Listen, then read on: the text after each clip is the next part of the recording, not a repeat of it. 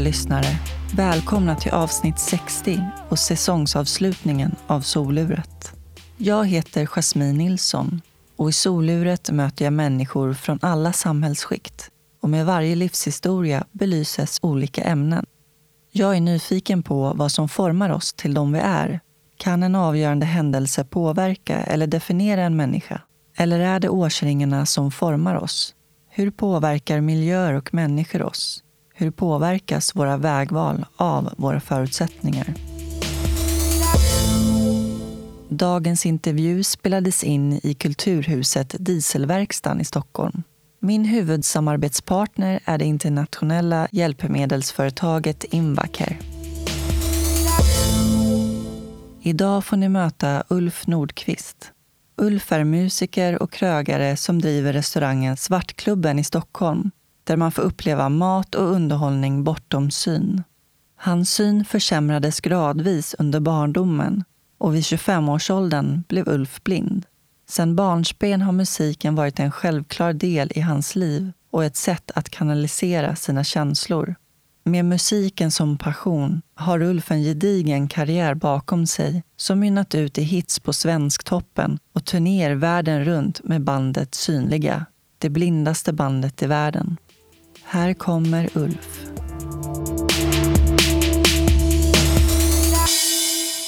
Jag jobbar med en producent som alltid pratar om att det var som eh, man skulle tänka kring inspelning att det är som att man tar ett fotografi fast man tar en ljudbild.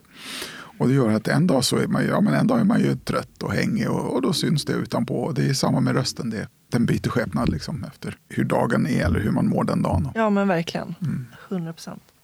Då tycker jag ändå att vi är all set och jag tycker att du låter bra. Okej, okay, jag kan prata på men det är bra. Om det hörs bra, då är det bra. Då, då kör vi Ulf. Mm -hmm. Välkommen till Soluret. Oh, tack, vad trevligt att komma hit till, till den här fina lokalerna du finns i. Att det känns som det finns inramningen här. Det är något härligt med den, med den här gamla härliga stora lokalerna som är och att det har blivit, ja men att det har sprungit in en massa kultur i de här lokalerna. Det gillar jag. Mm, man känner det i väggarna. Ja, men och, och de gånger jag har kommit i kontakt med dieselverkstaden här är ju ja, men då har det varit någon kulturhändelse eller någonting som jag mm. antingen själv har gjort eller som jag har deltagit i. Kul. Och sist vi sågs var på din eh, restaurang, Svartklubben. Mm, så var det. Och då var ju du hälsa på och var gäst i den podd som Anna Bergholtz och jag gör som heter I mörkret med. Precis. Så jag fick eh, komma in i er värld mm. för en stund. Mm. Och det var ju spännande. Du mm. fick leda mig in i det mörka rummet. Det är ju det som är så härligt också. Att, vad ska man säga, människan eller naturen finner alltid en väg. Men eh, berätta om podden.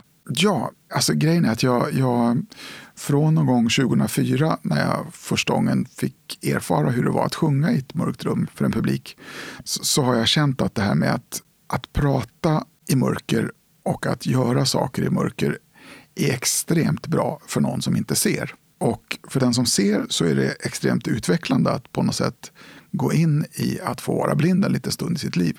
Och eh, ja, på den vägen så har jag ju liksom byggt upp en restaurangverksamhet som jag kör och någonstans längs den här resan så började jag och Anna prata med varandra om att det hade varit väldigt kul att få göra en podd i en sån här miljö. Att, att intervjua människor och att helt enkelt få um, ja, men att försätta folk i blindhet och sen intervjua dem och se vad de säger om andra saker eller ja, helt enkelt. Så, och det, det, var liksom det som var upprinnelsen och sen eh, höll vi på att prata och prata och prata väldigt länge. Men till sist så vart det verkstad och eh, ja, nu har vi ju kört en väldig massa avsnitt i Mörkret med som ligger där med väldigt många spännande människor som har väldigt många olika vinklar på världen och det, det är liksom en fröjd att bara sitta och, och ta del av andra människors historia eller deras berättelse eller vad de brinner för eller ja, vad det nu som kommer ut av en intervju. Men det, var, det är härligt i alla fall att göra dem och det är härligt att märka att folk lyssnar på dem.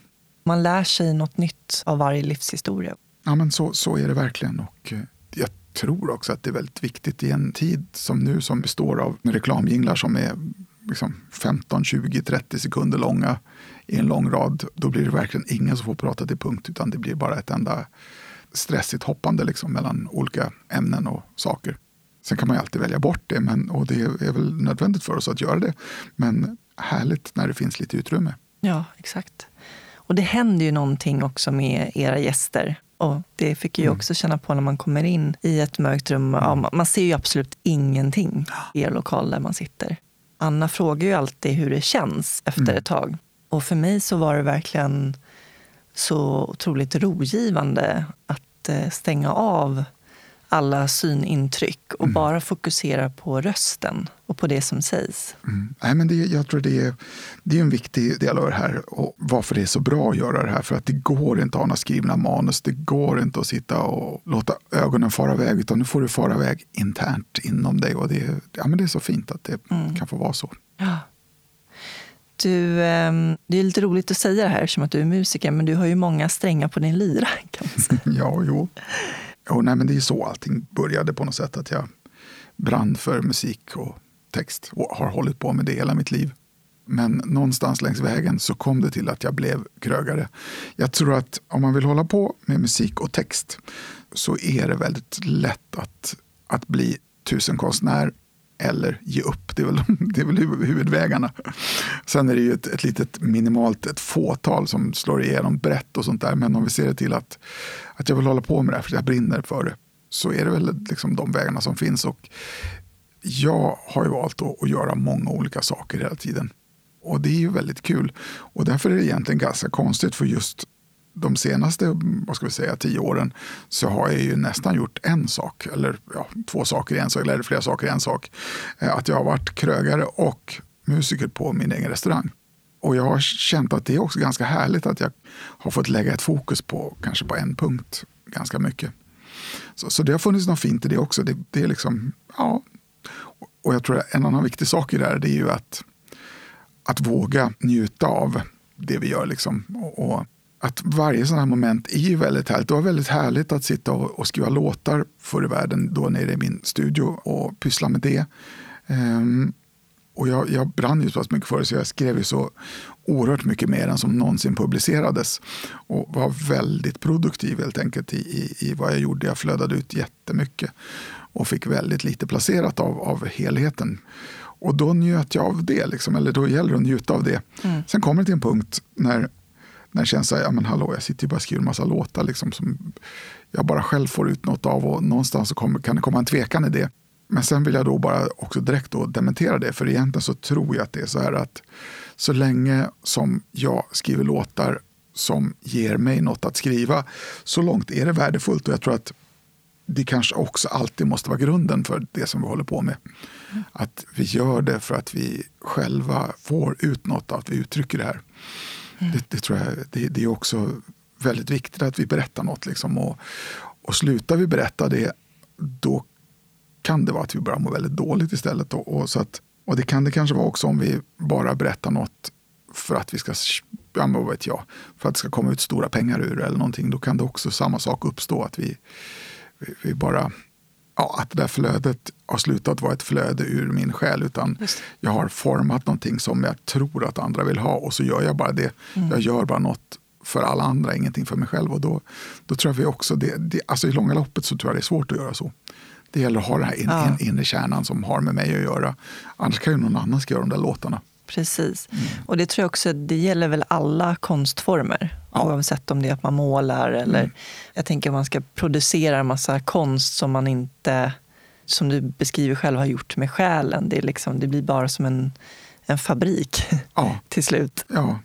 Så det kan jag verkligen förstå. Mm. Du har ju hunnit med att skriva en del låtar som det har gått bra för. Du har bland annat skrivit bidrag till Melodifestivalen. Mm. Dra dit peppan växer mm, mm. med Sten Nilsson. Det är en av de verkliga flaggskeppen och mitt absolut första Alltså var den första låt som jag fick ut på riktigt, eller vad man ska säga. Som, som, eller på riktigt och på riktigt, men, jo, men på riktigt. Som jag fick ut kommersiellt, ska vi kanske säga det mer. Mm.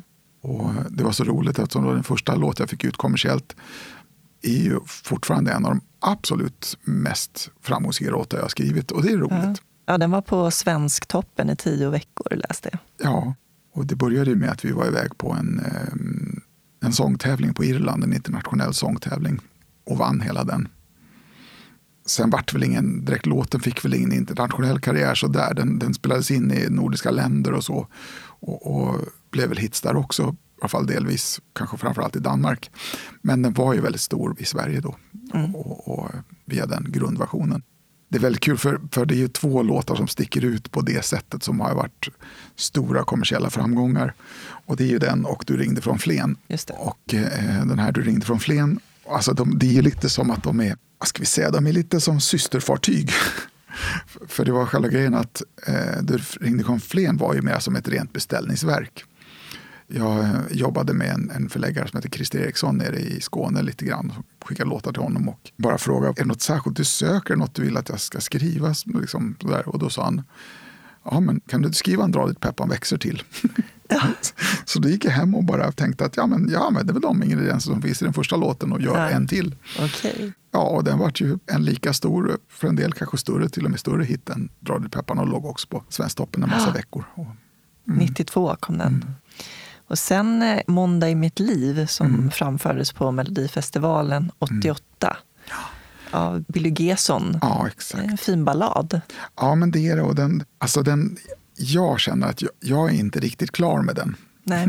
Även om den kom ut 88 egentligen. Då, då. Jag spelar den någon gång, enstaka gång. Um, och jag tror att jag, jag, jag, jag, jobbar på att den ska komma ut med en version med mig istället. Där jag tar den lite mer åt det grundhåll som den kanske kom ur. Vad var det? Än hur den blev. Nej, men den var liksom en, en så här skön bluesig låt. Liksom.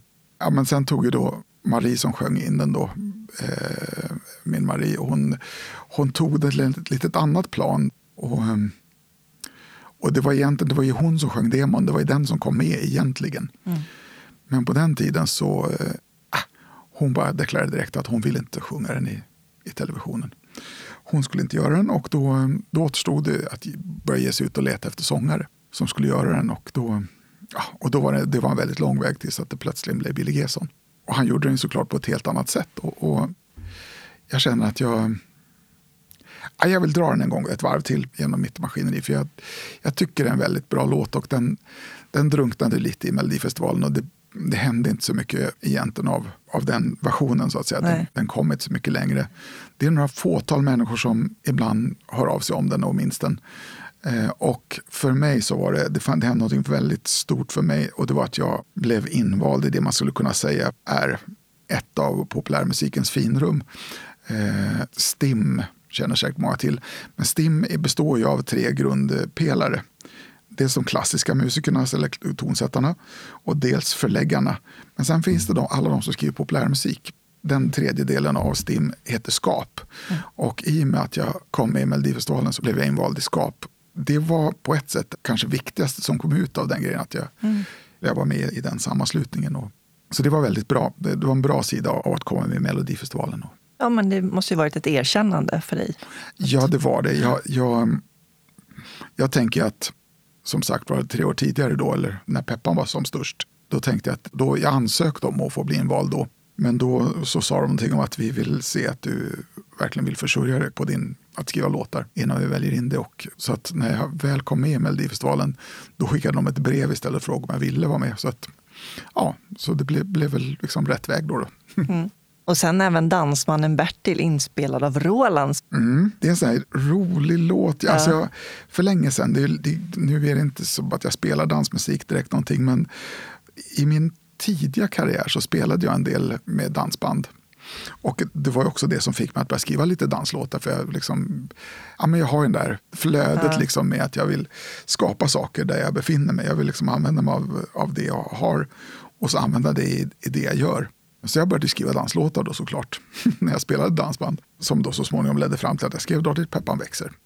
Den här dansmannen Bertil, det är liksom som en, det är en liten kärleksförklaring till de här. Det finns, alltså, det är nästan gripande ibland när man kommer till, ja, jag gissar att det är samma nu, eh, eh, när man kommer till så här orter och till dansställen så finns det folk som är såna inbitna dansbandsfans. Mm. Och de är ibland lite, vad ska vi säga, de är ibland lite annorlunda.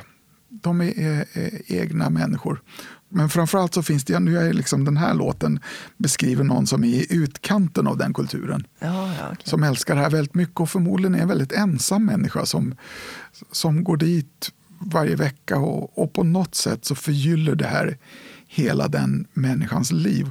Och det är lite det jag vill beskriva i den här låten Dansmannen Bertil. Så den är inte bara en, alltså den, jag, jag tycker den låten har för mig en slags innebörd och en slags härlig mening i att den, som det är med mycket, eh, när man spelar till dans så är det ju inte alltid att människor lyssnar på texten. Utan det är rätt mycket som pågår i det där rummet som har med, med helt andra saker att göra. Men, men eh, jag eh, skulle vilja säga att det är väldigt härligt att, att ändå i texter beskriva saker som, som på något sätt kommer nära. Mm. Och här lyfter jag de här människorna som kanske kommer tre timmar innan dansen börjar och frågar dansband om de kan få ett vykort. Det är liksom de människorna jag pratar om i, i den där låten. Sen är det klart att Sen är Robert Gustafsson en komisk man. Så det, det hela grejen att för den som lyssnar kanske bara tycker det är en komisk låt. Men för mig finns det, det finns faktiskt någonting bakom den låten som där jag på något sätt ändå har, har sett ett fenomen och en, en grupp människor som jag på något sätt kan ja, men tycka om lite och blöda lite för. Som är en, en, säkert en ganska svag och en ganska ensam grupp. Men det är alla dansbanden Bertilar. Jag förstår. Kan du dansa? Nej, jag kan inte dansa. Alltså jag kan ju, jag kan ju grundstegen till bugg. Ja. och ibland, säg inte det här till någon bara. Nej, okay. så när jag skrev dansbandslåtar så, så ställde jag mig upp i, i rummet bara när jag hade lagt grunden. Och så gjorde jag de där grundstegen, jag spelade igenom låt hela tiden och gjorde grundstegen själv till för att känna, känns det här bekvämt, känns det bra? Liksom, fallerar det på något sätt. För det, i grunden så ska det ju gå att dansa till dansmusik, annars tror jag man skjuter bollen utanför målet. Så ja, jag kan inte dansa. Nej. Eller nej, jag kan inte dansa. Men som sagt, vi har haft nytta av att jag har ändå gått en liten buggkurs och lärt mig de där grundstegen. Jag förstår. Du, ehm, en liten fågel berättade också att du skriver på din självbiografi nu. Ja, det gör jag. Eh, och det, alltså det, det har funnits en liten fråga ute lite av och till under alla de här åren av Svartklubben. Att liksom, kan du inte berätta historien? Hur kom det att starta den här restaurangen och så? Och då, eh, så jag, jag liksom tagit lite tid då och då. Det har vuxit fram långsamt, långsamt, långsamt. Eh, just nu har det tagit ett litet skutt framåt för just nu så känner jag att jag har haft tid för att ägna mig åt att skriva här och jag tycker det är jätteroligt att skriva ner och sitta och gräva i saker som har med vad som egentligen har hänt i mitt liv. så, mm. Ja, så det, det, det, jag håller på med något i den stilen. Och då har jag kommit på att, att skriva hur Svartklubben startades är lite enklare än när jag tittar på hela resan fram till att jag började göra det. För den filen är väldigt lång och hur sjutton ska jag, eh, hur ska jag redigera i den för att det ska bli ja, men en, en, en vettig mix. Liksom i, och, så att, en röd tråd? Ja, en röd tråd som leder fram. Och jag, jag, jag förstår att jag måste kapa väldigt mycket i den. Men när jag känner att jag börjar närma mig nära den produkt jag vill ha så ska jag såklart ta hjälp av någon som har gjort sånt förr. Mm. det ska ändå vara, jag har ingen titel för den, men hur, från, vad vet jag, från musikstudio till svartklubb eller från, från musiker till blindkrögare. Eller, ja. Mm.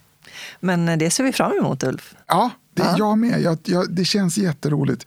Jag har verkligen roligt vid datorn när jag sitter och håller på med det här. Och, ja. och jag tycker att det ska få ta tid så jag håller bara på och håller på och håller på. Ja. Sen får vi se när jag närmar mig den exakta stunden när jag ska göra det. Men jag tänker att eh, som det är under 2020 så är det ju corona som har gällt och det har gett en väldig massa extra tid.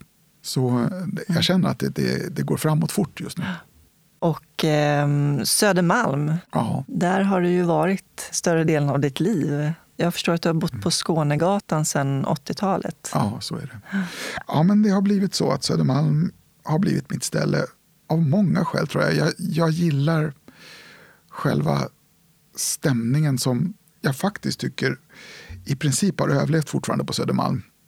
Det finns ju något som, som jobbar i en fel riktning tycker jag på Södermalm. Men, alltså i, i form av att små affärer stänger och det kommer in stora kedjor istället tar över lokalerna men det har funnits en ganska så små, småskalighet på Södermalm som jag gillat och att, att det har varit ett tillhåll också kanske för kulturmänniskor har jag också mm. gillat. Men det som drog mig dit i grunden var väl det, alltså jag kan säga också så här att i, i min uppväxt så, som jag upplevde det, jag har ju förstått nu av att ha släktforskat lite att det är inte riktigt sant, men Men när jag var liten i alla fall så var det så att min farmor bodde på Hornsgatan och min mormor på Östgötagatan. Okay. Eh, så jag hade två tunga instanser som var förlagda till Södermalm som bara gjorde att det kändes mysigt att åka till Södermalm. Ja. Ehm, och ehm, sen var det kanske i grunden av att egentligen unga synskadade låg på Södermalm som gjorde att jag, att jag hamnade på Södermalm på riktigt. Och eh, ja, slog ner mina pålar där. Sen dess har jag varit där. Men du har ju verkligen planerat ditt liv också att det ska liksom funka så smidigt som möjligt med ditt jobb och där du bor och att det mm. liksom ska kunna ta dig fram bra. Mm. Vet du vad, här, här vill jag säga den här saken som jag tycker är viktig att säga mm. många gånger och mycket och alltid.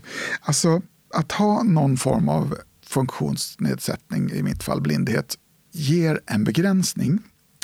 Men den här begränsningen leder ju fram till så oerhört många fördelar som egentligen den som inte har några begränsningar borde ju se till att den levde efter de begränsningarna lite grann. Eller för att jag, jag förstår inte varför, varför livet ska vara krångligt för. Utan jag tänker att det, det är väl ganska bra att man har det ganska bra upplagt. Och det här borde ju alla se till att de har omkring sig. Alltså i, i mitt liv så är det ju så att jag bor på en punkt. Jag har kanske 150 meter till restaurangen. Jag har kanske 350 meter till min inspelningsstudio. Så man kan rita en liten triangel med dem om man vill.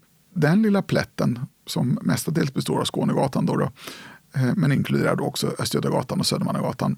Där har jag mina verksamheter och min bostad. Då, och det är fantastiskt att ha det så. Och visst är det bra att folk håller på och pendlar och åker långa sträckor.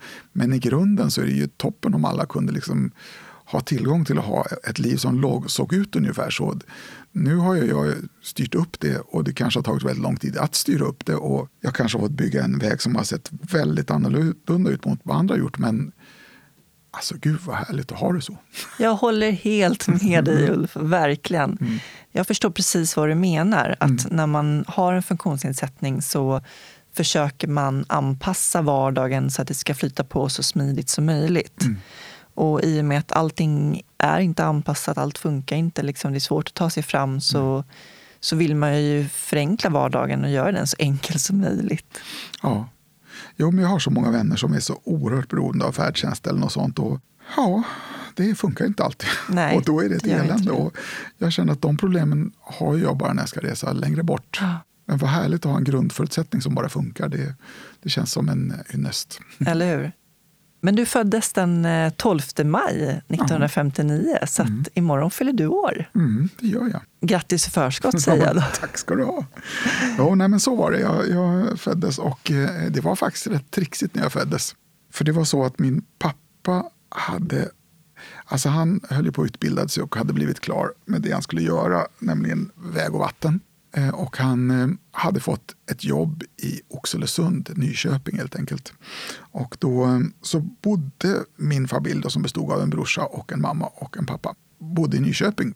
Temporärt men ändå inte bara så här hux flux utan vi bodde där kanske ett eller två år.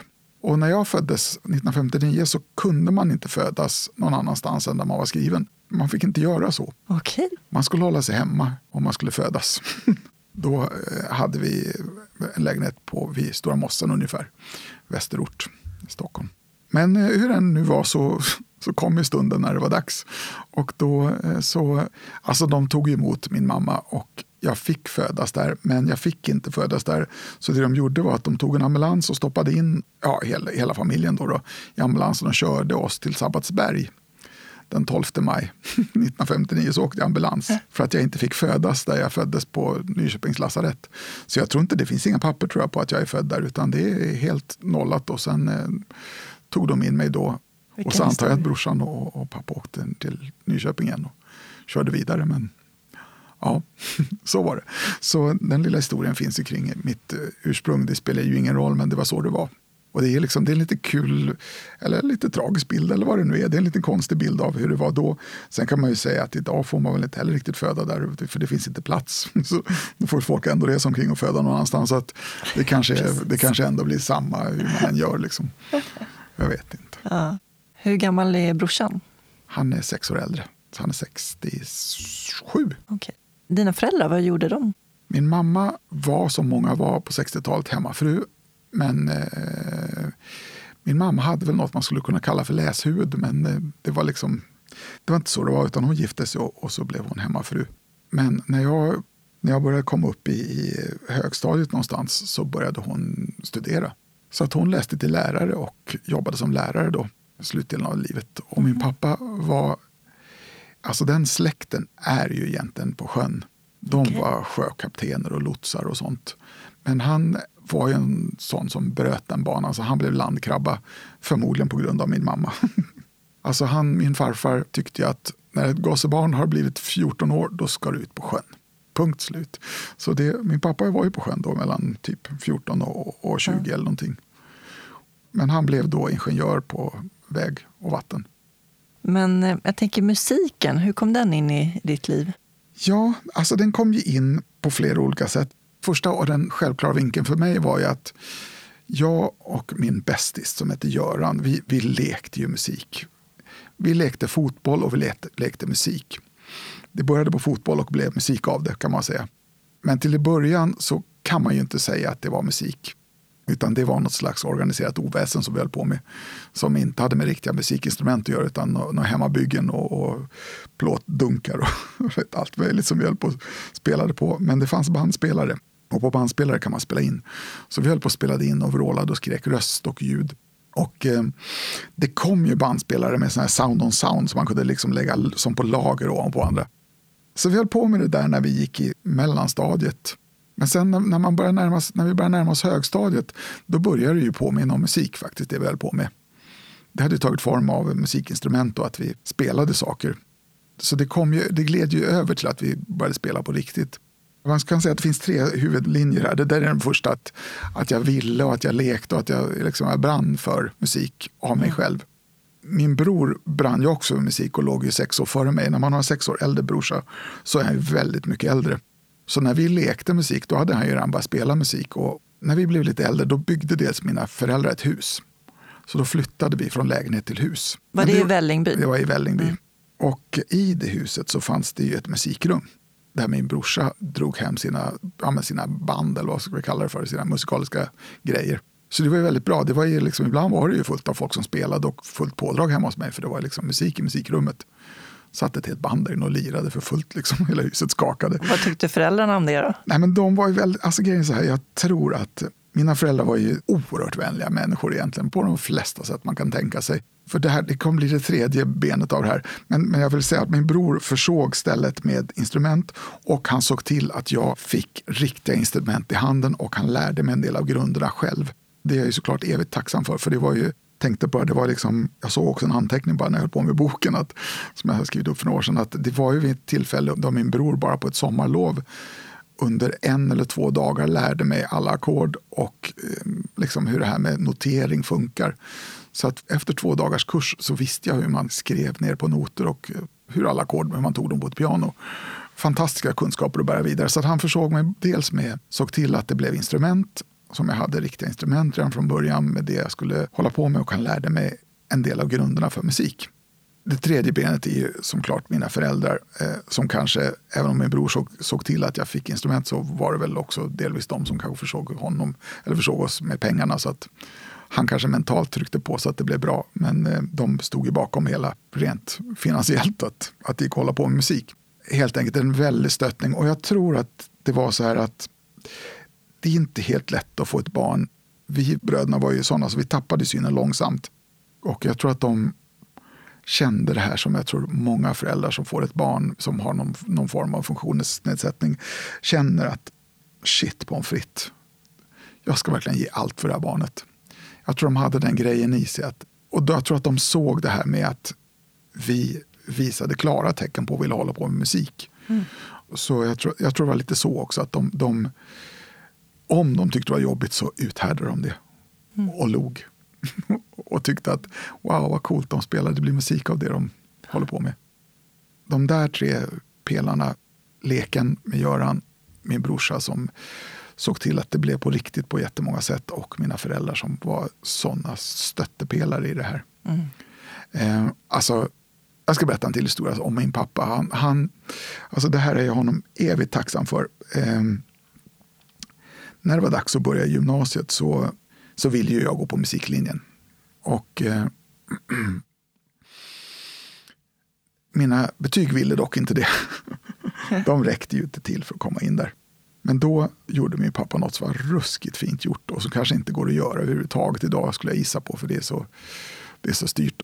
Men han, han tog med mig och så åkte vi upp till eh, där skolorna hade sitt säte, om det hette Skolöverstyrelsen, jag vet inte vad det hette på den tiden, men kanske Skolöverstyrelsen eller någon intagningsnämnd, eller jag vet inte vad det var. Det var i alla fall, vi åkte upp och bestämde över hur det skulle gå till. Och han bara, vi gick in på en handläggares kontor där han förklarade läget att det var liksom, ja det här är min son, han kommer att bli blind och musik är verkligen något han brinner för och något som han kan jobba med. Så vore inte det en väldigt bra investering för samhället att, att sätta honom på musiklinjen? Wow. och eh, det syntes inget på själva intagningsbeviset. Jag blev kallad till eh, samhällsvetenskaplig linje i gymnasiet i Vällingby, Sankt Jacobi. Och eh, typ andra dagen där så, så kom det in någon och bara ropade, finns det någon som heter Ulf Nordqvist där inne? Ja. Eh, jag tänkte bara säga att du har kommit in på musiklinjen och så att jag föreslår att du lämnar rummet och åker in till, till Östermalms gymnasium. Oj. Ja, vilken gåva. Hur, hur kändes det? Ja, det var underbart. Helt magiskt. Och det var verkligen en helt annan sak att gå på en musiklinje. Jag vet ju inte hur det går på en annan linje såklart, men för mig var det sån skillnad att komma in och ha klasskamrater som ah. brann för exakt det som jag brann för. Det förstår jag verkligen. Så för mig var det jättestort och jag var inne i en av mina svåraste perioder i livet. Även om jag vägrade att se att jag var det, så var jag ju det. Jag hade en position där jag inte, jag såg ju, jag var ju någonstans mellan att se och inte se. Och jag, eh, jag tappade ju syn eh, sakta men säkert och jag ville inte gå med på det här. Jag ville verkligen inte. Jag ville vara seende, jag ville fortsätta vara seende, jag ville hålla på. Framförallt så ville jag vara det som man skulle kunna kalla liksom som alla andra. Jag ville vara normal, eller jag ville befinna mig där jag alltid hade befunnit mig. Mm. Och det här gjorde jag genom att jag, jag berättade för ingen. Jag berättade aldrig att jag såg dåligt. Utan jag låtsades vara seende. Var hur är skulle, det möjligt? Hur, jo, men jag såg så pass bra. Ja. Eller så pass dåligt, så att det, men så pass bra så att jag kunde fejka det. Även om det ibland innebar att jag satt så jag såg inte vad de skrev på tavlan överhuvudtaget. Men skitsamma, jag spelar med i min roll och är mera, jag är mer attityd och mera cool. Men jag, jag, tänker om vi backar mm. tillbaka mm. lite. Du beskrev hur dina föräldrar, mm. både du och din bror, fick eh, försämrad syn. Ja. Eh, när förstod de vad det berodde på? Hur, liksom... Det var ju konstaterat vid ögonläkare. Alltså det, grejen var att i mitt fall så var det så oerhört, för mig var inte det här någon grej, för för mig behövde man bara lysa i mina ögon och titta in om jag hade det eller inte. Min brors fall så var det, kom det som en blixt från klar himmel, för han föddes ju sent och så, alltså, varför började han krocka med saker, varför ser han dåligt? Så var det i hans fall. Ja. Där var det mer att de fick börja söka efter vad är det som händer egentligen. Men eftersom jag hade sex års, och kom släpande där sex år efter så var det ju, ja, då var det ju bara att konstatera, ja men han har också RP. Mm retinitus pigmentosa. Mm. Som är en ärftlig sjukdom har jag förstått. Ja, det är det. Men i vårt fall så är det ändå recessivt ärftlig och det betyder att den som vi får barn med måste också ha det. Annars händer det inte. Det gör att mina barn är ju bärare av det, men de har det ju inte. Men de kan, nästa steg är att de kan ju få barn som har det. Om den andra sidan har det, så att säga, som de får barn med. Men det är inte mer än så.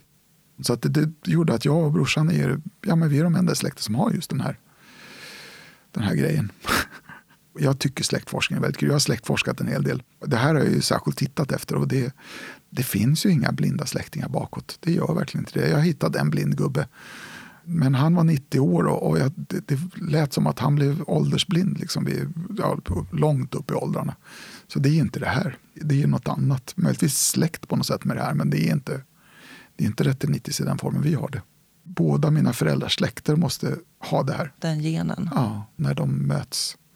Och då hade vi haft en syster så hade vi vetat en sak till, för det finns många olika grenar av RP. Då hade vi vetat någonting om det också, men nu har vi ingen syster så vi vet ju inte det. Nej. För det finns några som bara går till män. ja. Så vi, vi skulle kunna haft en fullt seende syster som också var bärare så att säga. Det enda som jag fann riktigt jobbigt på gymnasiet i, i mörkandet, det var ju att jag Alltså under goda omständigheter så kunde jag ju se. Det betyder att jag kunde ju läsa noter ganska bra för det var ju oftast i en sal där det fanns ljus ordentligt. Och så det, det gick ofta bra att kunna läsa noter. Men eh, bekymret i mitt fall i det läget, det var ju när det, för jag hade framförallt dåligt mörkerseende. Eh, och det gjorde att när, om man kommer in i en korridor och så är lampan släckt i den korridoren, då är det ju tack och godnatt. Eller till exempel när, när, man, när man i skolan ska visa film och släcker ner plötsligt. Jag är ju helt lost i det där rummet. Jag måste, jag måste ju bara, eh, det är inte som att de kan säga ah, nu får ni gå ut mitt under det mörka för då var jag ju borta. Liksom. Utan jag, måste, jag är beroende av att ljuset går på igen. Så var ju läget. Liksom. Och det jag såg helt omöjligt det var att vara med på gymnastiken. För jag insåg att där, jag ser ju för dåligt för att spela bollsporter och, och så vidare. Jättetråkigt kan jag tycka i efterhand, men det var så jag gjorde. Jag, jag gick till ren ettan då, direkt på hösten. Det första jag gjorde, bland de första saker jag gjorde var att jag gick in till sjuksystern och sa alltså, jag ser dåligt så jag kan inte vara med på gymnastiken. sa jag till henne. Och hon sa precis som, som man ska säga såklart, nej men ja, men, men gå till gymnastiken ändå för det, alltså, och så berätta det här för din gymnastiklärare så kommer de att lösa De är jättefina gymnastiklärarna på skolan. Det, det kommer lösa sig jättebra. Så att du kan kanske gå ut och ta promenader någon gång när de gör något som du inte kan vara med på eller gå och simma eller någonting. De, de kommer lösa så du kan ha gymnastik. Så här.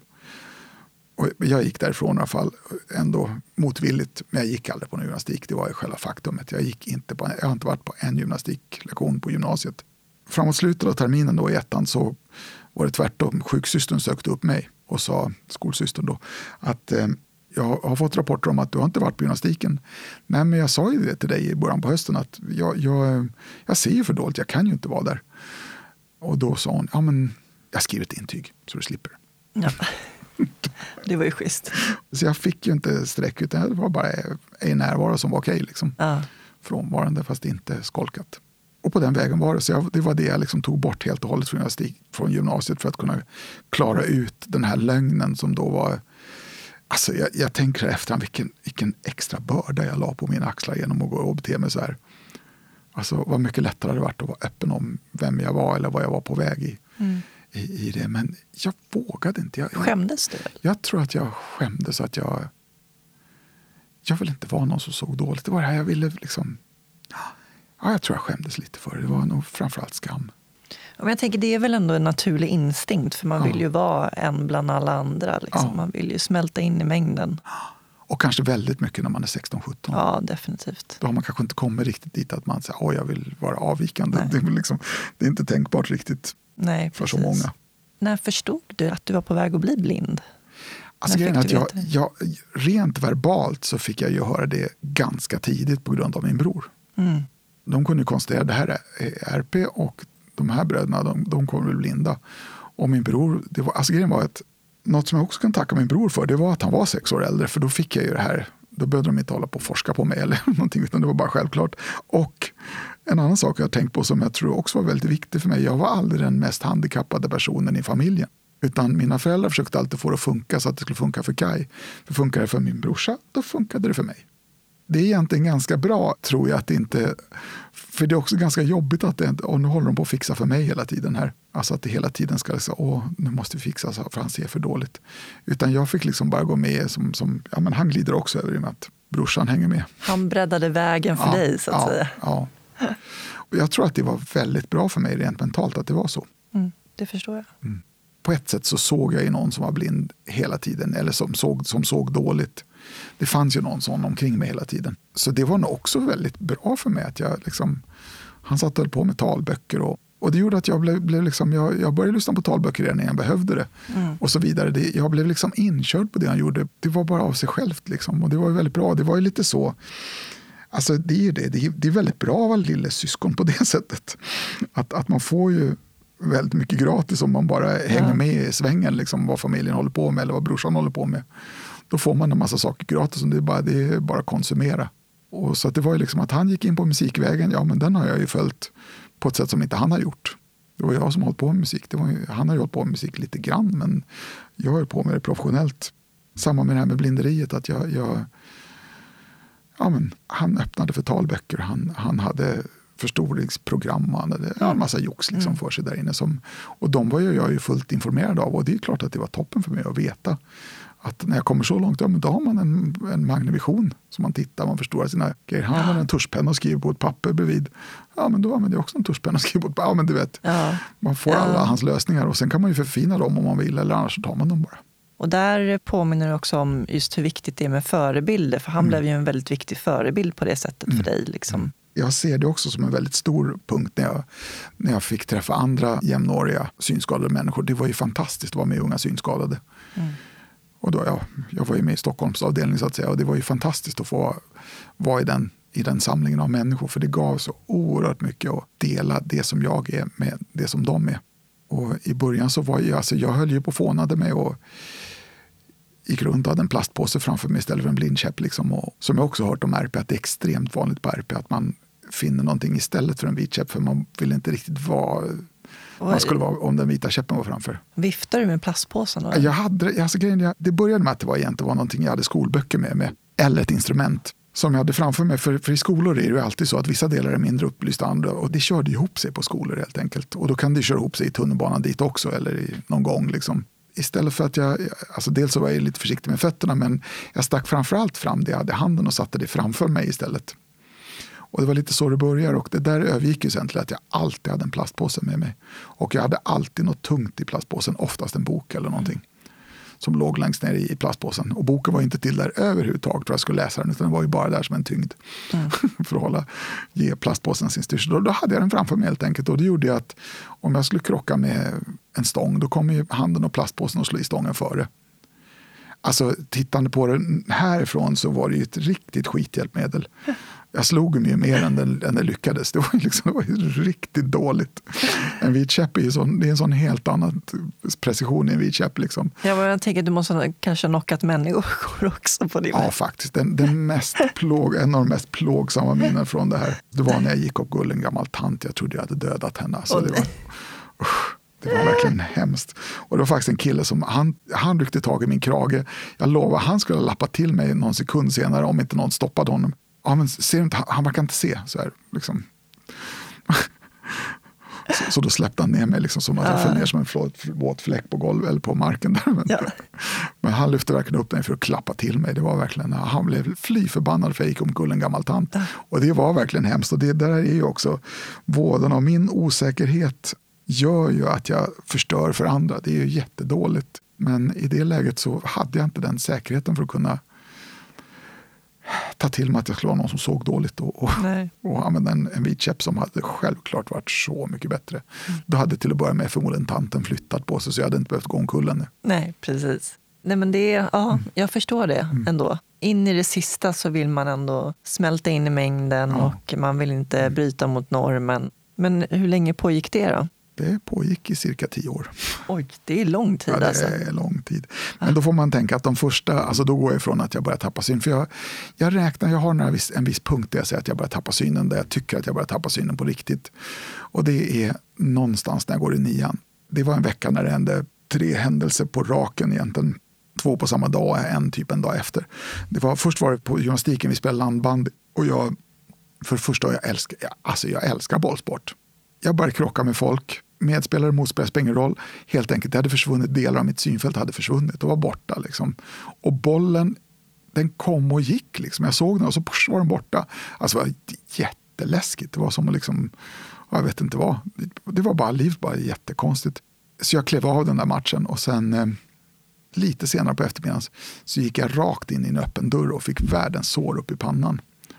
Eh, och blev skickad för att sy upp i Vällingby centrum och då gjorde jag det sydde där. Sen åkte jag hem och sen typ dagen eller en, två dagar efter så gjorde jag exakt samma sak. Jag rakt in i en till sån öppen dörr igen. Så här, det är alltså ett klassrum som står öppet helt enkelt. Man ska gå in på lektionen. Då står ju dörren öppet i olika grader. Det är inte på något sätt samma varje gång. Och på något sätt så var det väl så att mitt mörkerseende hade försvunnit så pass mycket eller vad det nu var. Eller, så jag såg den inte. Så jag, gick, jag gjorde exakt samma slag och fick ett typ ett lika stort sål bredvid. Och från den dagen så tyckte jag att jag såg, alltså då, då hade ju någonting hänt. Jag kunde ju till säkert 95 procent göra det jag skulle göra med mina ögon, men resten kunde jag ju inte. Nej. Så det var någonstans där som det började, jag började tappa. Och det är någonstans därför jag räknar tio år. Att det tog mig från 15 till 25 kan man säga. Att gå igenom den här processen och jag blir ju helt blind någonstans vid 25 ungefär. Mm.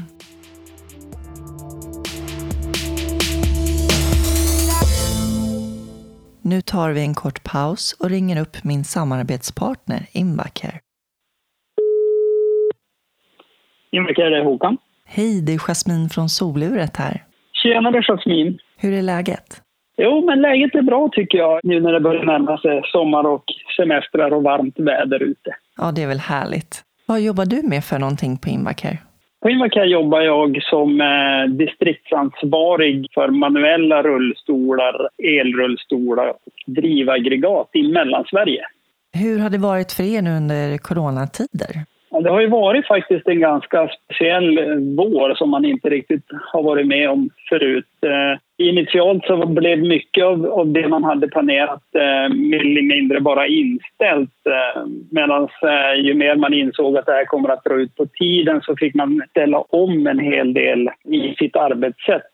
Mycket av, av det man tidigare gjorde ute på plats och ute på centralerna har istället idag blivit mer digitaliserat. Mest med tanke på att vi möter ju faktiskt eh, mycket personer som är i riskgrupperna i vanliga fall.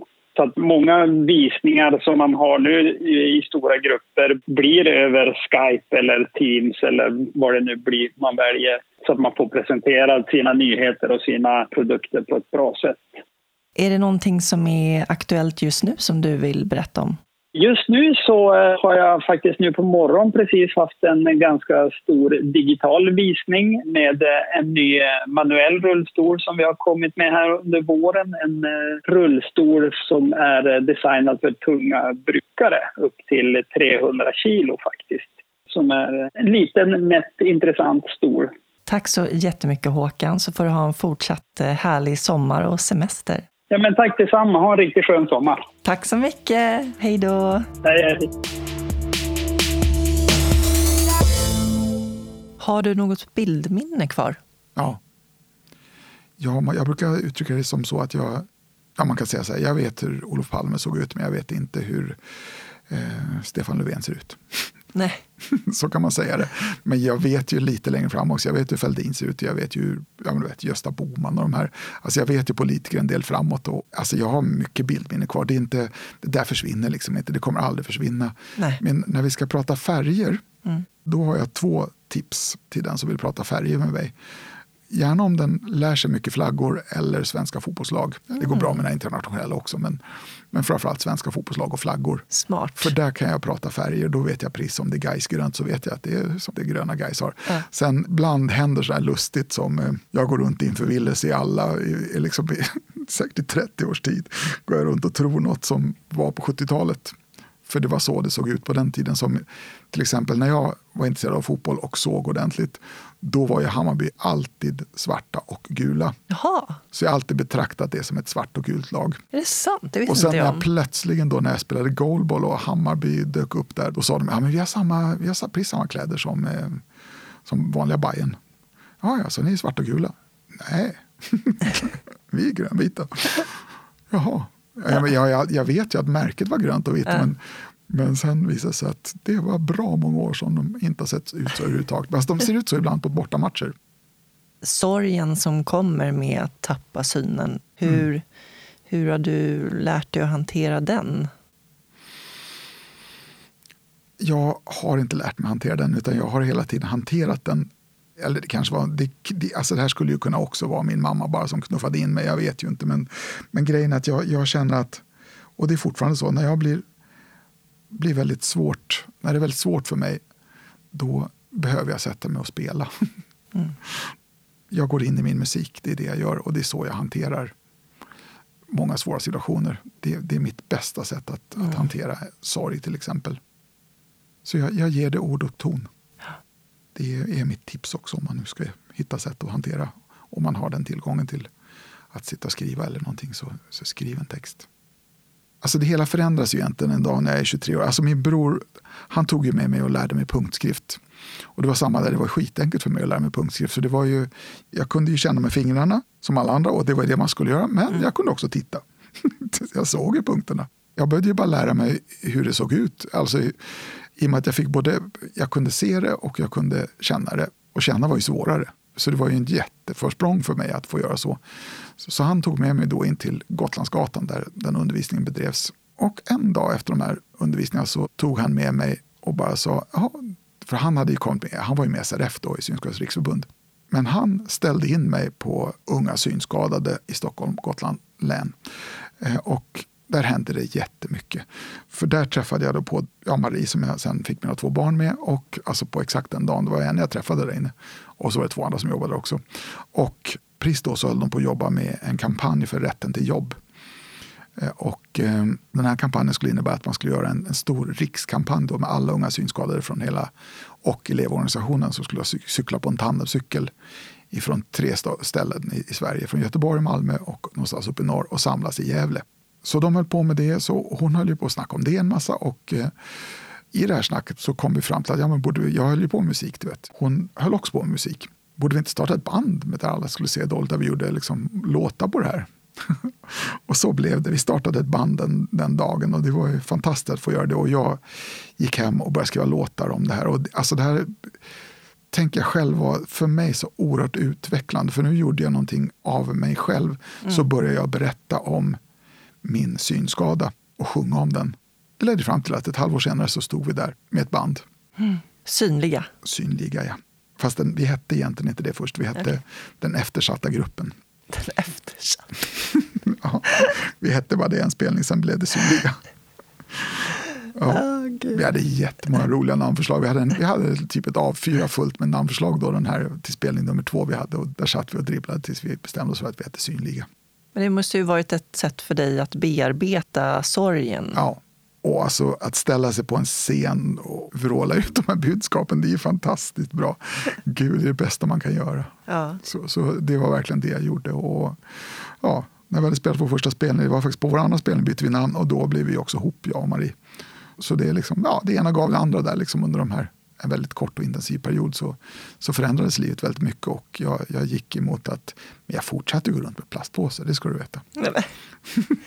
jag sjöng de där låtarna men jag fortsatte att köra med plastpåse. Du envisades? Ja, ja, ja, ja, ja. Nej, alltså, när jag var på stan, jag vet inte riktigt, när jag var med unga synskadade gissade att jag inte gjorde det, då gick jag väl liksom, men jag hade ingen vit käpp ännu, det hade jag inte. Utan det var egentligen också Marie som lurade mig till att använda vitkäpp. Det gjorde hon otroligt fint, otroligt fenomenalt och lömskt fast fantastiskt. Det är också bara evigt tacksam för att hon gjorde. Det var, vi skulle åka på semester till London, det här brukar jag stå och berätta varenda kväll på Svartklubben. Vi skulle åka på semester till London och jag, när vi kom ut till Arlanda så hade hon tagit med en vitkäpp till mig. Och så, så sa hon så här, okej, okay, här har du en vitkäpp. Du känner ingen som bor i London och vi känner ingen som ska åka till London den här veckan. Det vill säga du kan lugnt gå runt med en vit käpp i en veckas tid i London. Ingen av dina vänner och bekanta kommer någonsin få reda på det här. Och när du kommer tillbaka till Stockholm, ja men ta ett nytt, släng käppen, behåll den, spelar ingen roll, men ge den en vecka och se vad som händer. Ja. det, jag var ju såld. Det var ju så fantastiskt, det hände så fantastiska saker när jag hade en vit käpp framför mig. Sånt där som, som att jag upptäckte direkt att liksom alla flyttar på sig. Mm. Jag kan gå rakt fram. Jag var ju så van vid att krocka med folk och gå långsamt och fumligt liksom och, och se drömsk ut så att de skulle fatta att det är bäst jag viker undan. Men de som hade liksom, nej men det, det var ju bara en dålig strategi jag hade. Så det var liksom, och den försvann i ett enda slag med den där vita mm. käppen. Tänk vad kärleken kan göra för ja. att riva ner barriärer. Ja, och där, där stod jag med en vit käpp. Ja. Och det har jag haft ända sedan den veckan har jag använt en vit käpp. Det är ju så. Det går inte att vara utan en vit käpp som blind. Det är ju egentligen helt omöjligt. Ja. Om inte annat som signal att här kommer någon som inte ser. Bandet då, Synliga, ni var ju ute mm. på många äventyr runt om i världen. Ja, Synliga har ju verkligen varit en viktig medresenär i mitt liv. Så tillvida att vi drev i det stenhårt, jag och Marie, till att börja med. Vi brann verkligen för det och vi jobbade verkligen otroligt mycket med det och har använt det som form för att få förverkliga en massa saker genom tiderna som har gått. Så Synliga var ju extremt aktiva på, på den gamla tiden. Följde min utveckling kan man säga på många sätt. Jag, jag skrev ju lite dansbandslåtar men jag var ju ute och spelade med Synliga och då var det, ju, mm. det var ju som två olika grenar av vad jag gjorde som Ja, men de hängde ihop gjorde de väl, för det var ändå jag som skrev låtarna. Men, men det var verkligen två helt olika uttryck och två helt olika berättelser som gick ut genom de där grejerna. Mm. Och um, Ja, men det man kan säga om Synliga är väl att vi är det blindaste bandet i landet och nu för tiden är det verkligen långt emellan spelningarna. Men de spelningar vi har, de är å andra sidan helt fantastiska. Så det är verkligen ett band, det finns ingen anledning att lägga ner det utan det lever vidare. Av den anledningen att när någon verkligen behöver oss, då får vi åka och göra någonting fantastiskt. Då är det oftast väldigt stora, fina, jätteroliga arrangemang att spela på. Och vem vill inte ha sådana spelningar? Nej, så, så det är klart att vi ska finnas det som skulle hänt bara om ett par veckor nu skulle varit att vi skulle ha spelat några konserter i Rio de Janeiro. Det hade ju varit jättekul att komma, Wow. komma dit. Men, men det har ju då drunknat i det här coronamonstret. Eh, Men vi skulle ha åkt dit 3 juni skulle vi ha rest Ja, dit okej. och kommit hem vid midsommar. Det har funnits väldigt få kommersiella kanaler som har tagit oss på allvar. Våra låtar handlar om att se dåligt. Och jag tror att alla kommersiella kanaler har alltid tänkt att nej men det där, det, det där är för smalt, det kan inte vi sälja på vårt stora breda skivbolag. Eller på vårt stora management har vi ingen nytta av ett sånt band. Och det gör att vi, vi har liksom hela tiden drivit vår akt själva. Det finns en sak som är väldigt bra med det och det är att vi har inte blivit styrda i vad vi har gjort. Och vi har genremässigt därför varit vad ett skivbolag kanske skulle kalla för en katastrof. Vi har inte dragit oss för att göra det vi, som har fallit oss in. Oavsett om det genremässigt har varit helt fel. I förhållande till om man nu skulle stoppa in oss i en genre och säga att det här är poprock. Och så börjar vi spela någon låt som låter som en gammal vals. Det, det, liksom, det hänger inte ihop. Och det är det som är så härligt, att vi har kunnat vara så halsbrytande i en del av det vi har gjort genom åren. Utan vi har kunnat fortsätta att berätta de här grejerna. Det dåliga med det hela är ju att därmed har vi inte heller fått de här stora breakchanserna som vi kanske hade fått annars. Vi har varit väldigt duktiga på att marknadsföra det på visst sätt. I alla fall mot massmedia har vi varit ganska duktiga och fått bra genomslag när vi har hållit på, när vi har gjort någonting. Framförallt, vi gjorde en rockmusikal som vi gjorde helt själva. Då, då. Vi var ute på en jättelång turné som vi då reste omkring med. Och vi har ju spelat då för utsålda konserthus i Tokyo. Vi har spelat i Los Angeles, vi har spelat i London, vi har spelat i Madrid, vi har spelat i Sankt Petersburg, vi har spelat i Havanna. En av de senaste vi var, vi fick en här spelning i Chiang Mai på någon här musikfestival där. Det var fantastiskt. Vi visste inte alls vad som skulle vänta oss, men det var väldigt, lät väldigt kul att åka ner till, till Thailand och ha spelning. Ja. Och de, de, alltså, de var jätteduktiga arrangörer. Det var fantastiska veckor i, i Thailand vi hade i Chiang Mai. Det var en, kanske den största spelningen som vi hade nyligen. Häftigt. Ja, alltså synliga finns definitivt. Men det är inte så lätt att, att eh, komma och kolla på synliga. För synliga som helt band händer bara en eller ett par gånger per år. Och just nu så händer det inte alls, för det gör ju inget sånt. För just nu så är det corona. Marie som du Mm. träffade på eh, förbundet där. Ni fann ju verkligen varandra och hade liknande intressen och Ja, riktig själsfrände. ja. Och ni fick barn tillsammans. Mm. Vi hade väldigt bra år och jag skulle säga att vi hade väldigt bra år. Eh, där vi, liksom, vi gjorde verkligen allt tillsammans. Vi hade företag tillsammans, vi hade musiken tillsammans, vi, ja, vi hade barn tillsammans. Och, så det var liksom, vi spenderade väldigt stor del av dygnet tillsammans. Och eh, det var ganska roligt, det var ingen diskussion. Men Marie kom bara hem en dag plötsligt och sa, eh, "Jo, jag kom på en grej. Så här, Jaha, vadå? "Aj, jag tycker vi ska skaffa barn. så det var, det var liksom så. Och det var, vi höll på då med... Vi spelade in en massa låtar hon och jag under rubriken, eller under bandnamnet Glöd. Som gav ut två album. Det här sammanföll sammanföljer med att vi höll på och skulle börja släppa saker. Och då minns jag bara hur hon, hon sa till mig i med den här releasen då att ja men alltså, för det kom upp någonstans när vi, i någon intervju vi gjorde någonstans med någon, någon tidning. Det här, och då sa hon bara, alltså du måste ringa dina föräldrar, det är jättefräckt att de ska läsa det här via en tidning. Så, så, det var ganska lustigt att jag ringde och, och, och bara sa till mina föräldrar, jo, eh, bara så ni vet, så vi, vi försöker skaffa barn just nu. Sen gick det ganska smärtfritt och enkelt, så det, det löste ju väldigt fort för oss. Men jag minns det samtalet som så här, oh, ja, men det kanske jag måste göra, det kanske är väldigt... De kanske borde veta det före innan det står i en tidning. Hur såg hennes synnedsättning ut, Marie? Den såg ut så att hon eh, såg inget på ett öga och på det andra ögat så såg hon 01 och det kan låta som lite, alltså 10 procent av vanlig syn. Men eh, Marie var en extremt orädd människa och eh, hade en förmåga att utnyttja det där till maximum, den där lilla synen hon hade. Så eh, hon gjorde verkligen allt med sin lilla syn. Jag vet en gång när vi höll på att bli av med vår hemtjänst på grund av det. För vår biståndsbedömare hade sett Marie på Södermalm cyklandes. Åh herregud. Och då, då sa hon det. Ja, jag kan bara säga så här till dig. Kan man cykla på Södermalm, då behöver man ingen hemtjänst. Så här, ja, men nu måste vi väga in här. Vem, vem är Marie? Vad är hon för en människa egentligen?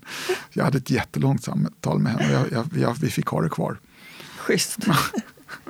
Men, men eh, hon var verkligen orädd och hon var verkligen duktig på att utnyttja sina, sin lilla mm. syn till att göra jättemycket. Och hon var en väldigt peppande person och väldigt drivande person. Det var en stark människa, starkt mm. lysande människa. Och jag kände alltid att hon hade ganska bråttom och sen i efterhand jag tänkt att ja, vem vet, alltså hon, hon fick ett 49-årigt liv och, och, vem vet om det var, var därför hon hade bråttom hela tiden för att hon, hon visste att tiden var beskuren på något sätt. Jag, mm. för det var, det, det var rätt chockande att en, en, en sån starkt drivande människa kan dö. Ja. ja det, var, det var väldigt förvirrande hela den där grejen. Hur dog hon? Hon dog av cancer. Hon fick det väldigt snabbt och hon bara tvärdog. Det var eh, bukspottkörteln och det har ju oftast ett hemskt förlopp med den. Så att hon... Eh, alltså, man kan säga att det var precis månadsskiftet augusti-september som det uppdagades. Och i slutet av oktober dog hon. Så det var liksom ja, var det sex, sex, eller sju veckor. Ja, vi kom aldrig till något annat än, än det är en väldigt konstig liten tvåmånadersperiod i mitt liv där, där jag inte Ja, det är lite svårt att säga exakt hur det där var, för det var, det var ju såklart chockartat det här beskedet av att hon hade det. Men den final det hade också att hon bara dog. Mm. Det var, jag tror inte, alltså många av oss omkring henne var väldigt, jag tänkte, alltså hon var jättestark på att hon skulle klara det här. Mm. Hon kommer att överleva det här. Eh, forskningen har gått fram och hon, ja, men hon höll på med yoga hon, hon var ganska andligt intresserad och hon var säker på att hon skulle med alla krafter hon kunde ta till så skulle hon kunna liksom vända trenden. Mm. Och läkarvetenskapen också på det. Men eh, det var ju inte möjligt i hennes fall. Det ville sig inte. Utan hon, men, men jag gick på hennes linje hela tiden. Mm. Så när hon verkligen dog så var det jättekonstigt för mig. Jättesvårt att det var så att, att hon ändå kunde dö ifrån den position där hon ändå var så pass levande hela vägen ut. Ja. Och att hon brann hela vägen ut på ett sätt också som var fantastiskt egentligen. Hon, alltså, hon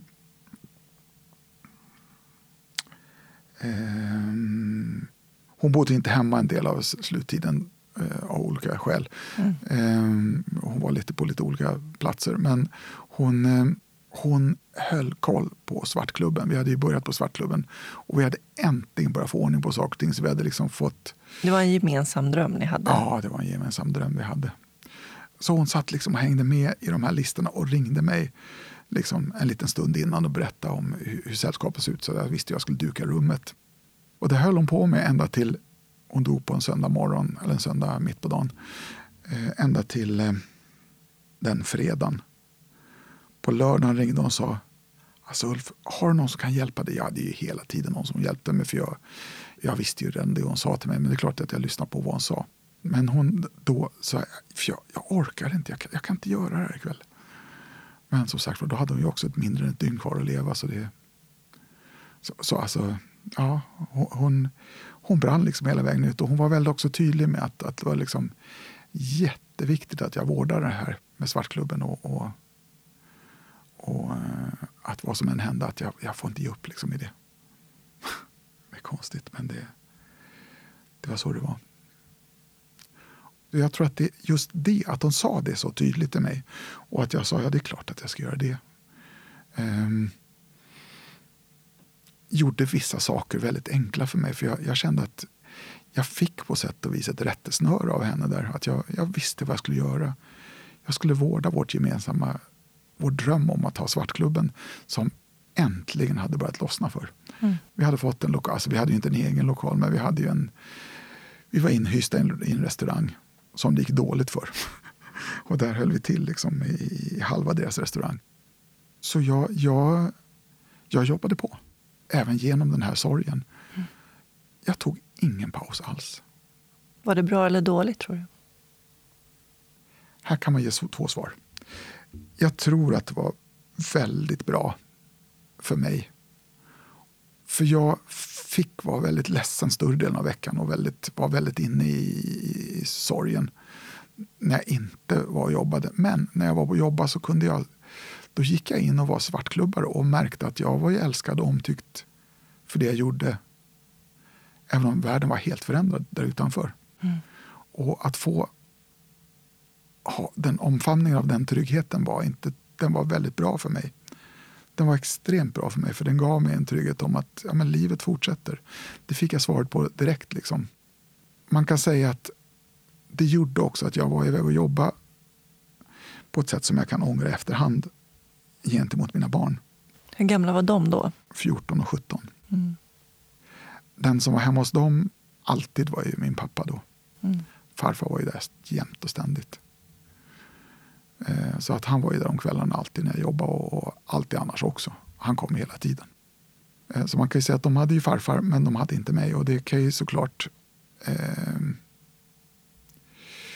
Ja, det, det, är inget som går att göra om men det, det var det skulle jag säga var avsidan av det att jag, jag någonstans jag, jag, men jag ska också säga jag mäktade inte mer heller. Jag, jag klarade inte mycket mer än det jag gjorde då det var svåra tider. Vi, det var i samband med studion. Vi samlades oftast där och satt och grät långa stunder bara. Mm. Vi lyckades inte göra något. Vi satt där nere och bara var, och kanske spelade en liten låt och så blev vi, gick vi ner igen. Och så. Så, så, det var liksom det var en väldigt svår tid, men man kan också säga att det var en väldigt vacker tid att gå igenom. Någonstans är det också väldigt, det är också någonting som är väldigt skönt med att vara så där ledsen och få vara så där ledsen hela tiden. Och, ja, jag gillar egentligen det att det var så ja, det var så, så nära till alla känslor hela tiden. Mm.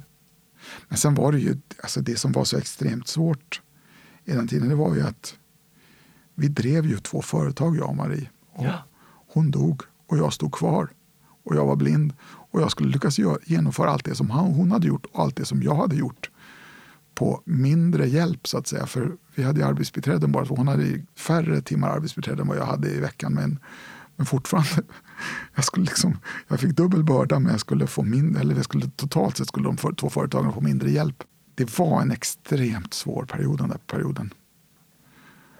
Det var det verkligen. Och det var väl liksom, men på grund av att de sa att jag skulle ge allt, aldrig liksom att, att verkligen våga köra vidare med Svartklubben vad som än hände så hade jag ändå någonting som jag, som jag gjorde och som växte under mina händer. Det var ändå någonting väldigt, alltså det var någonting som, som jag tycker kom ut väldigt rätt ur det. För mig. Ja. Och vad var det? Att livet gick vidare. Direkt. Och,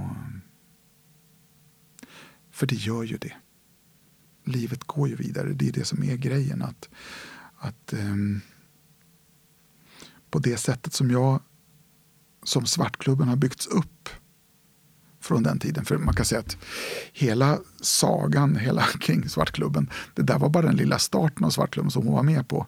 Mm. Hon var inte i närheten av det som kom att hända sen. För sen, då sen det blev verkligen på riktigt, så den, ja, men, två år efter när jag började bygga upp det det där var ju uppbyggnadsperiod som jag ser och sen byggde jag upp det ute i Liljeholmen då när restaurangen gick i konkurs, eller de sålde av.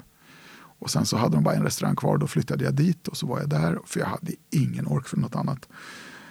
Och tog mig igenom de åren där ute och lärde mig jättemycket på vägen. Men på det jag lärde mig och på allt som jag hade lärt mig innan så gjorde jag Svartklubben på mitt sätt och det tror jag jag tror det var väldigt bra för Svartklubben. Mm. Att det plötsligt var mina idéer. Sen kan jag hata att jag är ensam i det. Alltså att, det, att jag inte har henne. Att inte hon finns där i företaget är ju såklart jättesvårt. Det är svårt att inte dela en sak, liksom, utan plötsligt så hänger det på mig hela tiden. För hon fanns ju där som den här ständiga och ja, men som vårt liv såg ut så var det ju så att vi satt ju liksom med, med budget och sånt. Det satt ju vi på så här jag vet, mellandagarna på jul. Ja, men nu ska vi ta och skissa upp hela nästa år. alltså sånt satte vi höll på med då. Det kan jag tycka är, alltså det är inte alls som att man får lust att göra det själv och göra så. Nej, men då när saker och ting växer så går det ju att kompensera med personal eller något i den stilen. Så att, som gör det istället. Men jag tror att mycket kring grunden för hur Svartklubben bedrivs, att det kom bara ur mig sen hur det byggdes upp som beslutsfattare kom ju såklart ur alla mina medarbetare.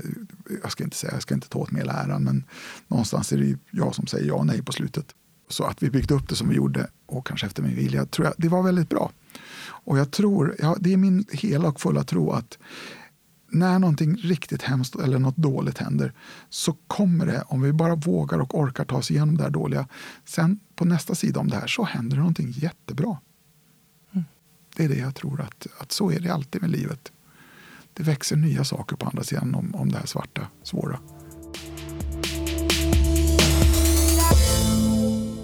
Vad innebär det för dig att vara människa?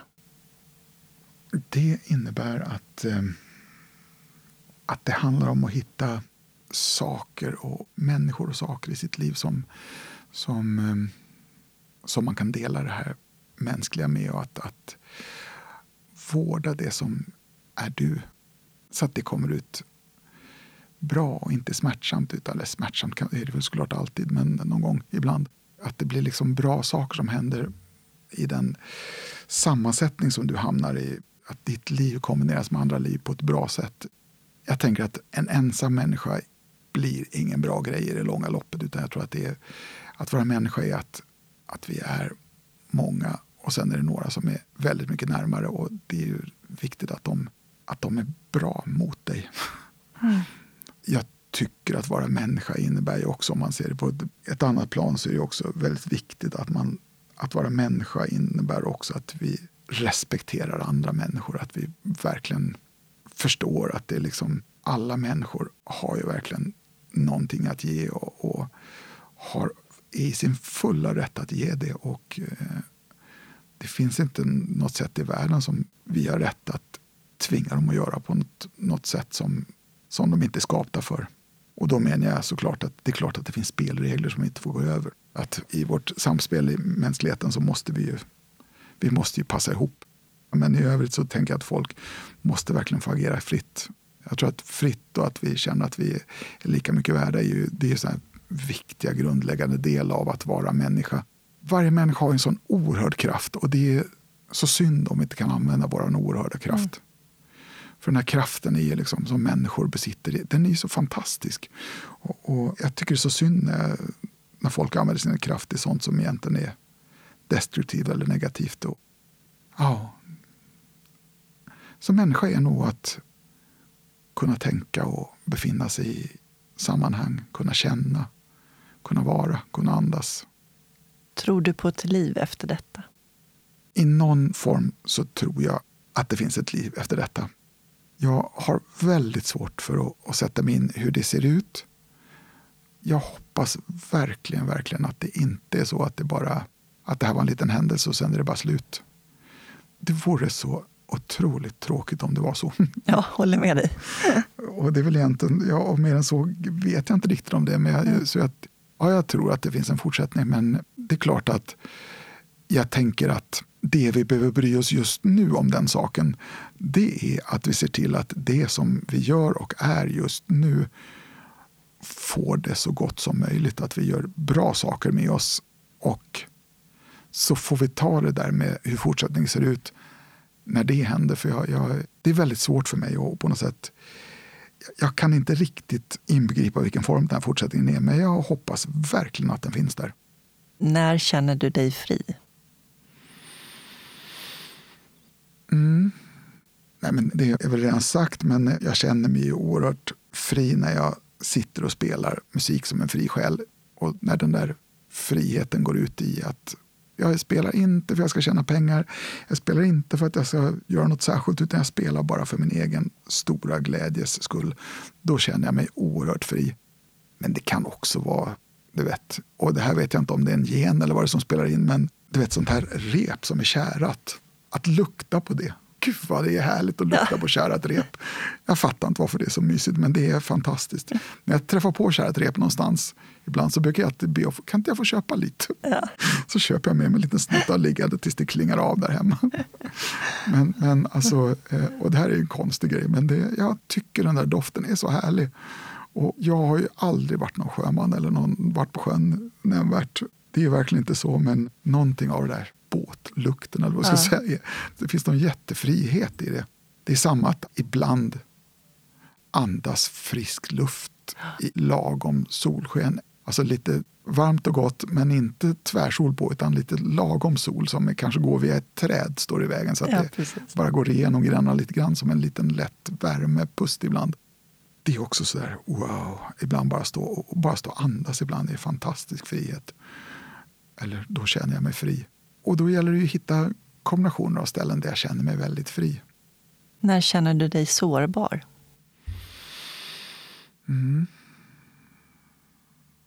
Nu kanske jag säger något jättedumt, men jag säger det ändå. Ehm, jag älskar att vara krögare, jag älskar att ha en restaurang. Men jag älskar inte att vara personalchef. Eh, för jag inser ju att i min roll som att jag har en massa människor anställda så ingår det ju självklart att de eh, ska lätta sitt hjärta eller att de är förbannade på någon annan medarbetare eller något annat i den stilen. Konflikter. Ja, och de kast, alltså, och grejen är att jag, jag känner att jag tycker nämligen att i det läget så ska jag vara en lyssnare. Och att jag står där och lyssnar och, och tar in och tar in och tar in. Alltså, jag kan känna mig så trasig av de, de konflikter som är inom mig. Och jag, det är på något sätt, de slänger på mig en massa saker och så ska jag fundera ut hur de här människorna ska komma överens med varandra eller inte komma överens med varandra. Och, och det, är, det är i alla fall ett tillfälle när jag känner bara att nej, nu är det inte lätt i livet. Nu är jag, eh, när de går och slänger på mig de här sakerna, just då känner jag mig oerhört sårbar. Det, det är smärtsamt för mig att höra de här grejerna. Och kanske mest när någon säger någonting riktigt dumt om någon annan. Och jag kan känna, det kanske ligger något i det här. Och det, är- alltså, det är så hårt att ta det, för det betyder att jag har i min kropp kanske erkänt att jag, att de här ja, men det blir bara som en ond spiral på något sätt i mig. Det är som att eh, de säger något dumt och jag kommer ju nästan att hålla med. I att jag står där och, och är min tystnad också att jag håller med. Annars sårbar är ju såklart, och det där är ju ingenting mot den sårbarhet som finns inför döden. Alltså när, när någon dör ifrån en, då är, väl liksom, då är det väl där bara en fjuttig petitess att någon står och beklagar sig eller vill ha mer lön eller någonting. Det är liksom eh, Eh, det är väl, det är väl ingenting. Liksom. Det, och när man kommer in till riktigt, riktigt stor sorg som kommer över oss med jämna mellanrum. Ingen går ju någonsin fri, det är ju så. Det, det händer till och vi kommer ju tillbaka till det hela tiden. Det är liksom en del av livet. Jag kan ibland också bli... Alltså jag, jag har lite svårt också. Det är egentligen samma konflikten vi kommer in där till kanske. Men när folk ger sig på mitt konstnärskap så kan jag ibland också bli bara ledsen av det. Ja. Jag kan inte försvara mig. Jag står där bara och, och tar emot och tar emot. Och, och, ehm, På vilket sätt då gör de det? Ja, Ge men- kritik för... Ja, i, i, i form av kritik eller i form av... ehm, ja, det är väl kritik vad det än är. Liksom. Det, det jag känner att det, det är alltid något som är jobbigt ändå. En del blir ju väldigt provocerade av att jag står och säger en del saker som jag står och säger i mina sångtexter. Och det är klart att då, då är det egentligen de som har blivit väldigt uppretade av att jag, jag, menar att jag står och påstår att det är bra att vara blind eller någonting. Liksom, eller vad jag nu liksom utstår. Men det, är ju, ja, det där kan jag, ja, det är ju din sanning. Liksom. Ja, det är min sanning. Ja. Och då så st- står de och säger att nej, så kan man verkligen inte tänka och så får man inte säga. Det här är verkligen ett fel sätt att ta det här på. Jag kan bli så, ja, jag kan känna att jag, är, jag har väldigt svårt att försvara mig i de situationerna. Jag bara, jag har en akilleshäl där. Jag kan inte liksom, Stå på dig. nej jag kan inte stå på mig. Jag kanske inte, jag kanske inte vill heller. För någonstans så tycker jag också, och det här kanske är dåligt för mig, men jag kan känna ibland att försvara sig, det är också lite fegt. Alltså för den personen som står och har de här åsikterna, det är klart att den tycker den så, ja men vem är jag att säga att jag har rätt och den har fel? Det är väl liksom inget att prata om. Men det gör mig illa. Ja, det, där, det är en svår situation. Mm. Så där har jag lite svårt ibland när folk eh, går in och säger saker om det jag har skapat. Och det kan jag verkligen förstå. För det är ju något som du gör från själen, från Ja. ditt inre. Och ska någon komma och trampa på det, det är klart det gör ont. Mm. Det är svårt att skydda sig från det. Vad drömmer du om? jag är nog en rätt drömmande människa.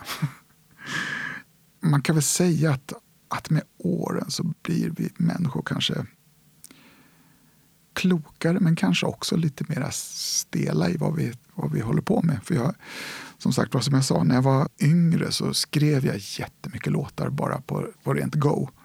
Nu skriver jag låtar när det behövs en låt någonstans eller när jag får ett, en förfrågan om en låt. Jag sitter inte bara och skriver låtar rätt ut i luften, det händer inte. Utan jag skriver när, när jag har behov av det eller när jag får en förfrågan eller när det behövs. Och det är nästan alltid att det behövs och då är det nästan alltid någonting till Svartklubben eller något sånt. Det kan hända att jag skriver sådana låtar faktiskt också helt spontant för att jag, jag får ett uppslag som är alltid för stort för att inte skriva det. så händer det. Men jag tror helt enkelt att plötsligen så är mina drömmar, de är kanske nu för tiden så är de kanske lite mer verklighetsnära. Att jag drömmer om saker som att utveckla saker vidare. Men jag kan säga vad jag drömmer om direkt och konkret så jag vill ju också, förutom det vi har tagit upp tidigare med att jag vill skriva en bok eller två, så vill jag också göra en musikal till. Jag vill också göra en musikal på mitt liv på något sätt. Eller, ja, även om det inte går i mitt namn så vill jag ändå göra en musikal på det som jag har varit med om. Ungefär. Det vore underbart att få göra det. Häftigt. Det borde du göra. Mm. För att peppa mig själv till att verkligen komma loss och göra det så står jag ibland och säger det till mina gäster. Ja. jag bara säger så, för jag pratar lite kort bara om, om hur jag tappar synen och så säger ja. nu tänker jag inte berätta mer om det här, men vill du ändå höra mera? Så tänkte jag, okej okay, om vi ses om en fyra, fem år så så skriver jag en musikal den tiden. Så kommer du att titta på den. Precis, och då får jag ofta en liten applåd. Så det är, det är trevligt att säga det. Och då känner jag nu har jag satt lite mer press på mig själv. En annan sak som jag drömt om i, i jättemånga år, att det ska vara en kombination med Svartklubben, det är ju att jag, att jag skulle bygga upp en sån här det har funnits i Stockholm vid enstaka tillfällen, alltså man bygger upp miljöer som man kan gå omkring med. Och när man också blir blind en timme av sitt liv eller något så går man in i olika miljöer och går omkring med en blindkäpp där och har en, en guide med sig som inte ser. Och så, jag tror det här skulle vara en jättebra systerverksamhet till Svartklubben. Ja, det, det skulle jag också spännande. gärna göra. Så det är väl liksom några saker jag brinner för så där och, och känner att wow, det här vore, det vore kul att få göra de här sakerna. Jag har några antingen eller-frågor också. Mm. Stad eller landsbygd? Ja, jag måste nog svara stad på den. Men jag tycker om landsbygd. Det finns något fint med landsbygd, men jag älskar staden. Så jag, mm. jag, kommer, alltså jag kommer i mitt hjärta att välja staden. Bok eller film? Bok. Kött eller grönsaker? Grönsaker. Planering eller spontanitet? det där var en svår en. Nej, men jag gillar spontanitet, men eh, jag vet att allting kräver jättemycket planering. Så det, det, är liksom, det, det är galet att säga det, men jag gillar spontanitet. Jag ja. gillar och, och jag försöker verkligen i mitt liv vara spontan på väldigt många punkter. Men eftersom jag har så ett inrutat liv så lyckas jag inte så bra. Men, men jag försöker verkligen att, att vara spontan i övrigt. Så att jag, jag brinner för spontanitet. Mm. Se eller höra? Ja, i det här fallet så är det ju höra. Lyssna eller prata? Mm. Ja, den här är också svår. Det måste ju ligga mitt emellan, men jag, jag vill gärna slå ett slag för lyssnandet, för det är, det är bra med lyssnande. Så jag väljer att lyssna. Tack så jättemycket Ulf för att du delade med dig av ditt mm. liv. När jag fick besöka er på mm. Svartklubben så mm. Um, sjöng du en låt som hette, heter en Blind Date. Ja. Som du skrev efter din mamma hade gått bort. Mm. Men sen så beskrev du den som en slags betraktelse över, över livet. Nu behöver du inte välja att sjunga just den nu, men jag tänkte att vi skulle avsluta vårt fina möte med en, en sång. Så får du bestämma vilken du tycker skulle passa. Ja, men tack, då har jag bestämt mig för att sjunga Blind Date. Jag tycker om den jättemycket. Så det, ja. Ja, men den, en fin låt, den betyder mycket för mig. Och jag, jag tänker att här ligger ju också i det här. Här vinner det spontana tycker jag i Blind Date. Att livet finns där och det, det tar vägar som vi kanske inte vill. Men någonstans så är det ändå så att en blind date med livet är det bästa vi kan få.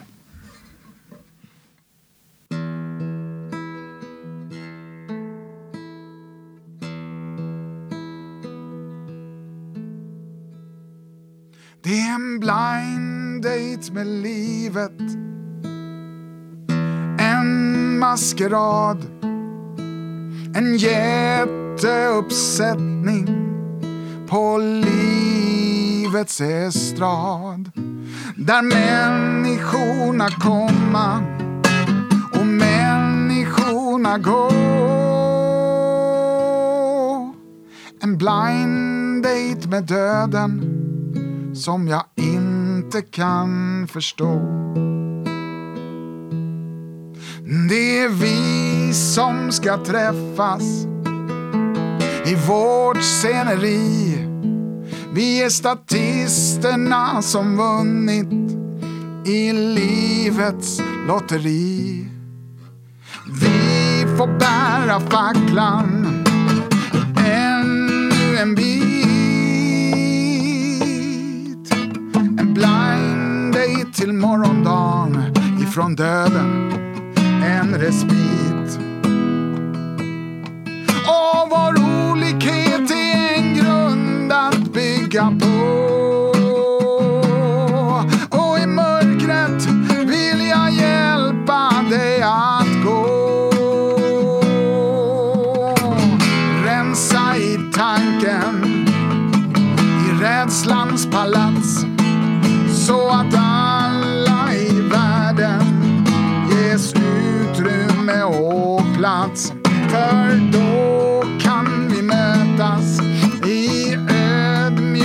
Respekt. Och livet är ett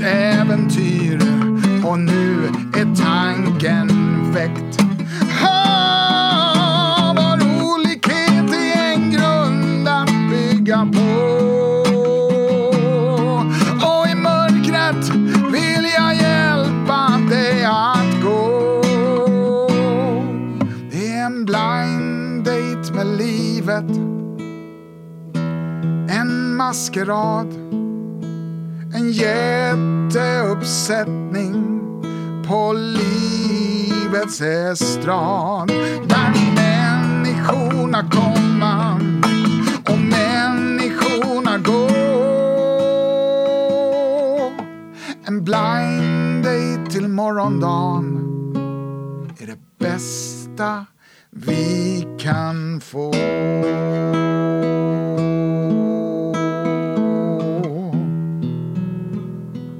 Tack så mycket för denna säsong och ett innerligt tack för all värme och uppmuntran som jag får från er lyssnare.